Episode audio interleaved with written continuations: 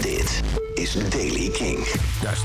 En welkom bij de podcast op de radio, de dagelijkse podcast op de radio, de Daily King. Met het laatste muzieknieuws. wordt vandaag eh, op grote schaal warm met 20 graden of meer. In het zuiden kan het ruim 23 graden worden. In het noorden wordt het zo'n 16 tot 19 graden. Droog met zon dus. Ehm, hier en daar misschien een klein buitje, maar mag geen naam hebben. Dat is morgen wat dat betreft veel erger. Tijdens de bevrijdingsfestivals. Boehoe, boehoe.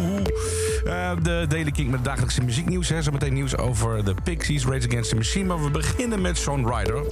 Want Sean Ryder heeft een nieuwe band. Ja, de frontman van The Happy Mondays heeft onthuld dat hij druk bezig is met het opnemen van een album met, daar komen ze, de Who-drummer en zoon van Ringo Starr, Zack Starkey, de voormalige Oasis-bassist Andy Bell en de frontman van The Lightning Seeds.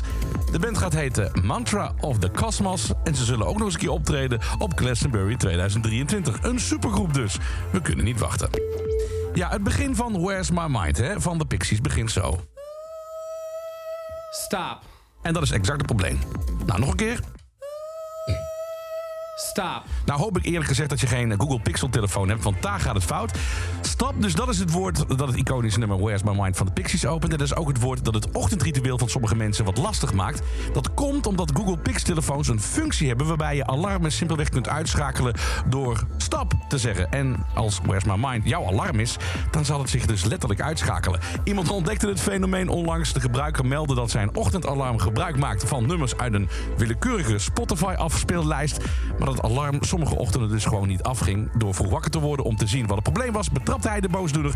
Uit uitgesproken stap dus tijdens het intro van Where's My Mind. De band Pixies heeft inmiddels excuses aangeboden.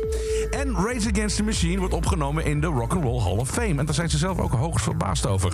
Terwijl ze de eer erkennen, wees Rage Against the Machine in hun verklaring op een lange geschiedenis van anti-establishment. Een band die net zo bekend is om onze albums, zeggen ze, als om onze felle oppositie tegen de Amerikaanse oorlogsmachine en uitbuiting. Een band waarvan de nummers alternatieve radio tot nieuwe hoogte dreven. Terwijl rechtse mediabedrijven elke song die we ooit schreven probeerden te verwijderen van de ether.